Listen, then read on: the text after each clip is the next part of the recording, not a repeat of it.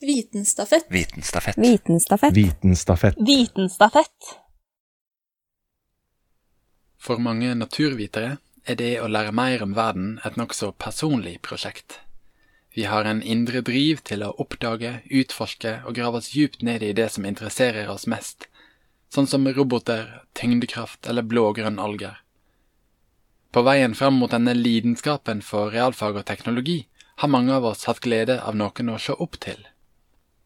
De tre historiene du skal få høre nå, handler om forbilder. Mitt navn er Åsmund Eikenes, og du lytter til Vitenstafett, en podkast der unge formidlere deler gode historier om realfag og teknologi. Først ut er Henninge Bie. Året er 2011. Det er juni, og vi befinner oss en time nordvest for Trondheim. I en blomstereng foran et gult hus stopper en kvinne opp. Noe gyllent har fanget blikket hennes. I et halvt minutt nyter hun synet av en humle på en lilla blomst. Dette skal endre mitt liv som biolog. Mitt navn er Henninge Torp Bie, og humla som landet, var en kysthumle. Det gule huset er Slettvik, en feltstasjon der studenter hver sommer lærer om Norges dyr og planter. Jeg heter altså Bie. Da jeg startet biologistudiet i 2016, var jeg bestemt på å unngå bier og andre navnrelaterte klisjeer. Men for tre år siden dro jeg til Slettvik feltstasjon. Det var altså seks år etter at kysthumla landet på den lilla blomsten. På feltkurset var det en kvinnelig leder. Altså, det var flere ledere, og ca. halvparten var kvinner, men det var én som skilte seg ut. Kanskje fordi hun hadde kniv i beltet til frokost, fordi hun var over 1,90, kanskje fordi hun hadde humletatoveringer på albuen.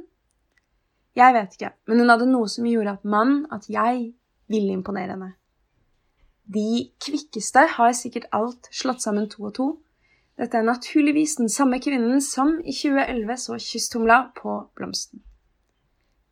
Denne kvinnen var svært fascinert av humler. På feltkurset arrangerte hun en humlekonkurranse der vinneren, altså den som fant flest humlearter, vant en kald øl. Det finnes 35 humlearter i Norge, hvorav noen er mer og noen mindre sjeldne. Av de sjeldne er kysthumla. Den kule kvinnen fortalte meg, personlig altså, at noen år tilbake hadde hun sett en kysthumle på Slettvik. Det var startskuddet jeg trengte. Glem grønnalger og starrslekta. Jeg skulle finne og fange en kysthumle. Og slik, med gummistøvler, blomsterkjole og sommerfuglhov, startet mitt første humleprosjekt. Oddsene var ikke på min side. Kysttumla er truet og sjelden, og et prosjekt basert på én observasjon i løpet av sju år er ikke et imponerende utgangspunkt.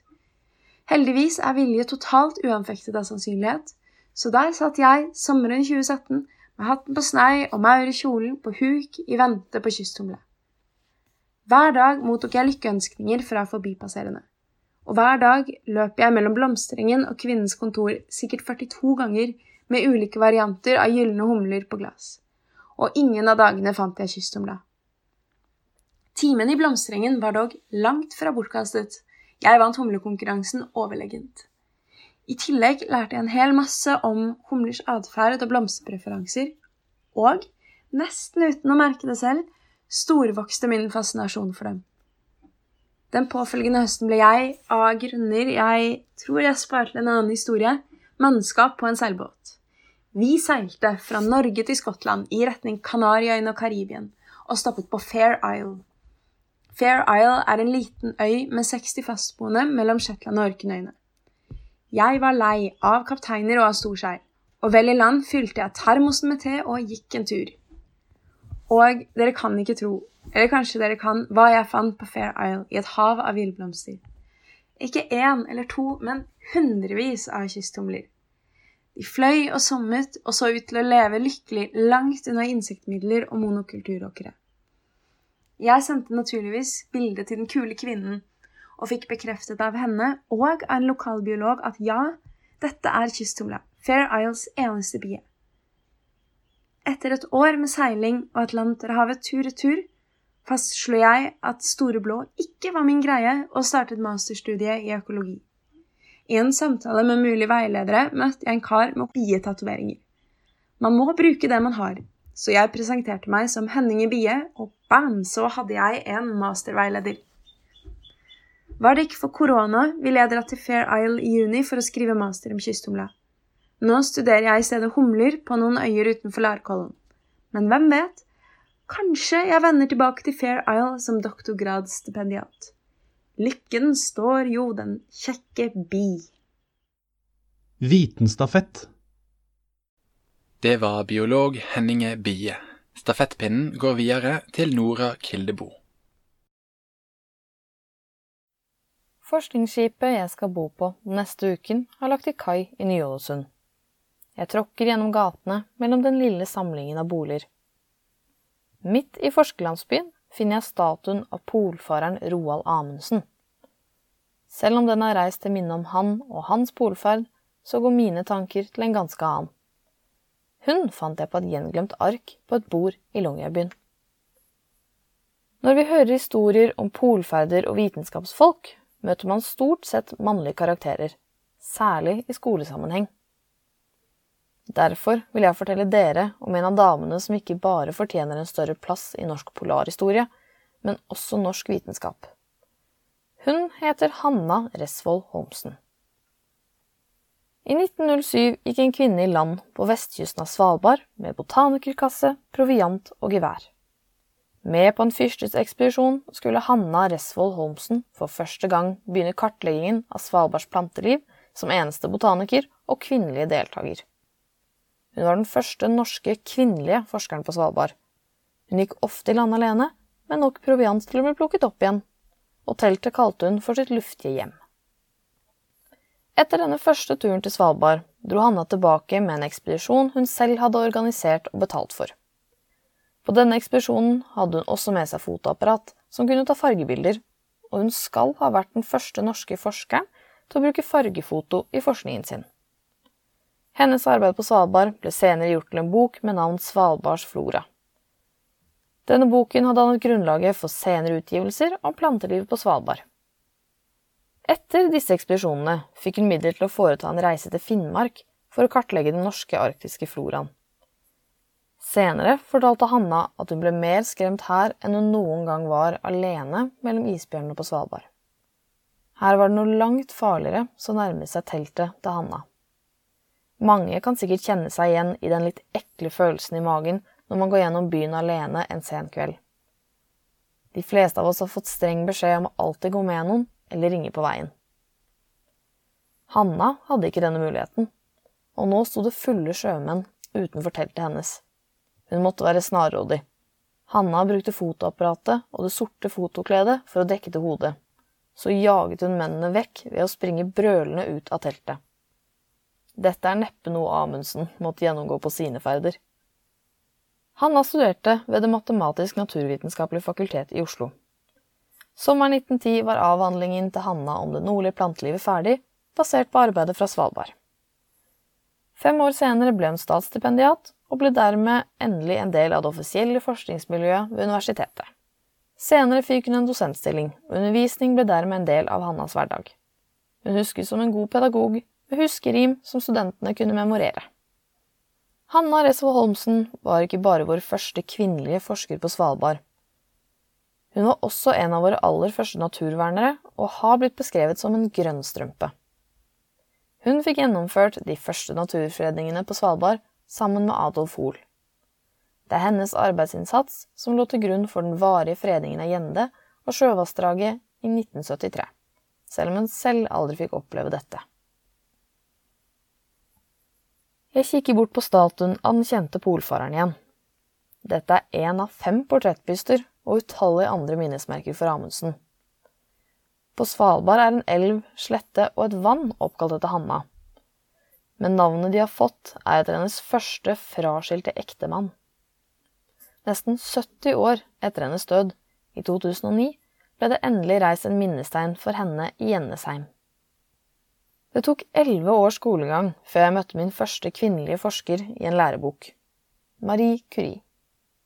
Senere har det dukket opp en skare av sterke damer innenfor vitenskap, oppdagelsesferder og politikk, men jeg måtte grave dem frem på egen hånd, og det er langt mellom statuen av dem. Vitenstafett. Det var biolog Nora Kildebo. Temaet for denne episoden er forbilder, og den tredje og siste historien kjem fra Jakob Borg. Det føles som den varme vårsola er på vei gjennom himmelen. Jeg er på vei til Blindern for å bygge videre. Før pleide jeg å bygge hus, men det er ikke det jeg skal nå. Nå bygger jeg på noe mye større. Jeg har alltid likt å bygge ting. Helt siden jeg var knøttliten, var jeg med pappaen min og snekra. Han er uten tvil en av de beste byggmesterne i Norge noensinne. Hver lille detalj gjort det minst 110% Han lærte meg å elske hele prosessen. Å tenke ut og tegne lure og unike løsninger, lukten av sagflis og hamre meg på tommelen. Han lærte meg å tenke abstrakt på tredimensjonale ting, for så å se det bli virkelig foran øynene mine. Men pappa har også alltid vært en stor tenker og tekstforfatter. Noe av det beste jeg visste som barn, var å kjøre bil med pappa og stille han spørsmål om alt mulig rart jeg kunne tenke på. Det virket som han kunne alt i hele verden. Han viste meg gleden av å kunne noe både med hendene og med hodet. Sammen la vi en plan for meg mens jeg gikk på ungdomsskolen. Først ville jeg utdanne meg som tømrer, og så gå videre på universitetet men lite visste jeg hva jeg skulle ende opp med å studere. I mitt siste år som tømrerlærling gikk jeg også på kveldsskole for å få studiespesialisering på Hellerud videregående. Der hadde jeg flere glimrende lærere, blant annet i naturfag og matte. Jeg ble spesielt oppslukt av nordlyset. Nå var jeg snart i mål med utdannelsen min med hendene, men hva skulle jeg studere med hodet? Jeg gikk på utdanningsmessa i Oslo Spektrum og tok med meg brosjyrer fra alle de store universitetene hjem. Da jeg leste gjennom brosjyra fra Universitetet i Tromsø, fant jeg svaret. Et femårig masterprogram i romfysikk. Hva? Går det an å studere det? Er det lov å drive med noe så kult? Og er det mulig for en enkel tømrer? Jeg spurte naturfagslæreren min om jeg trodde det var oppnåelig for meg, om det var realistisk, eller om jeg sikta for høyt. Hun fortalte meg at det kanskje ville være mulig, om jeg jobbet hardt og lenge nok, og ikke ga opp. Jeg husker jeg løp gjennom gangene, ut i vintermørket i friminuttet, ringte pappa og fortalte hva hun hadde sagt. Nå visste jeg hvor jeg skulle. Påsken før jeg skulle ha eksamener og svenneprøve, døde pappaen min. Han fikk ikke se meg bli ferdig med den lange planen vi hadde lagt sammen. Det er nå syv år siden. Lang historie kort. Jeg begynte aldri på Universitetet i Tromsø. Fra nordlyset hadde jeg nemlig forelsket meg enda mer i tanken på videre og større astrofysikk. I stedet begynte jeg på en mer teoretisk bachelor i fysikk og astronomi på Universitetet i Oslo, hjembyen min. Her lærte jeg å programmere på data, en helt annen form for bygging enn jeg kunne fra før. Nå tar jeg en master i astrofysikk. Det er kanskje en rar overgang fra tømring, men det passer meg perfekt, og jeg bruker erfaringene mine fra snekringa hele tiden. Som tømrer har jeg bygd alt fra søppelskur til store villaer og femkanta garasjer. Nå bygger jeg stjerner. Selv om jeg ikke kan vise pappa det jeg bygger, vet jeg at han følger med. Det er rart å tenke på at den lille nysgjerrige gutten jeg var, nå kan noe som pappa ikke kunne. Å bygge stjerner lukter ikke like godt, og jeg hamrer meg ikke like mye på tommelen. Men detaljene er minst like viktige, og de fortsetter jeg å gjøre til 110% All erfaringen min med abstrakt tredimensjonal tenking og hvordan ideene blir til i virkeligheten, bruker jeg hver eneste dag. Når man bygger ting på datamaskin, må man bruke fantasien for å se det for seg. Verktøyene er ikke lenger gjerdesag og hammer, men matte. Materialene er ikke lenger tofyr og spiker, men databits, ener og nuller. Når jeg er ferdig med å bygge, står det ikke en faktisk stjerne foran meg, heldigvis. I stedet må jeg lage systemer for å visualisere matten gjennom grafer, og så kan jeg tenke meg hvordan stjerna er tredimensjonalt i hodet. Jeg tror min håndverkerbakgrunn gjør at jeg er mer opptatt av å forstå hva ligningene sier og betyr i praksis. Det er sånn jeg lærer meg det, når jeg kan tolke matten fysisk. Stjernene jeg bygger, varmer ikke like mye som vårsola. Du kan kanskje si at de ikke er ekte engang. Egentlig er de bare masse rekker av tall som beskriver oppbygningen av stjernene, deres temperatur og trykk og andre egenskaper fra sentrum og ut til overflaten. Men når jeg har bygd en stjerne fra bunnen av, ved bruk av fysiske lover og teorier som beskriver virkeligheten og universet vi bor i, kan ingen hindre meg i å tenke på dem som virkelige stjerner. Det finnes utallige forskjellige stjerner der ute, i alle slags størrelser og farger. Rundt 250 milliarder bare i vår galakse. Noen av dem er helt sikkert bygd opp akkurat som de jeg har laget.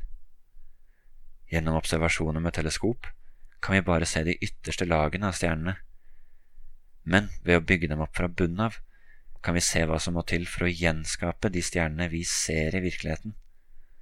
På den måten kan vi lære mer enn vi ellers kunne om noen av de kuleste og mektigste tingene som finnes i universet. Det oppsummerer ganske godt alt jeg har lært alle disse årene med teoretisk og numerisk astrofysikk. Ved hjelp av matte og datamaskinen min kan jeg bygge ting som beskriver virkeligheten, ting som ellers ville være umulig å gjenskape og så studere som dødelig jordboer. Kanskje pappaen min har sust gjennom universet og løst alle mysteriene som skjuler seg der ute.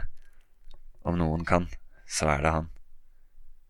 Til jeg møter han igjen, i en eller annen type form for eksistens, skal jeg i hvert fall gjøre mitt beste for å imponere han. Vitenstafett. Det var astrofysiker Jakob Borg som tok over stafettpinnen fra Henninge Bie og Nora Kildebo. Denne podkasten er laga av formidlere tilknytta emnet MNKOM ved Det matematisk-naturvitenskapelige fakultet ved Universitetet i Oslo. Temaet for neste episode er de usynlige kreftene som styrer livet våre. Vitenstafett. Vitenstafett. Vitenstafett. Vitenstafett. Vitenstafett.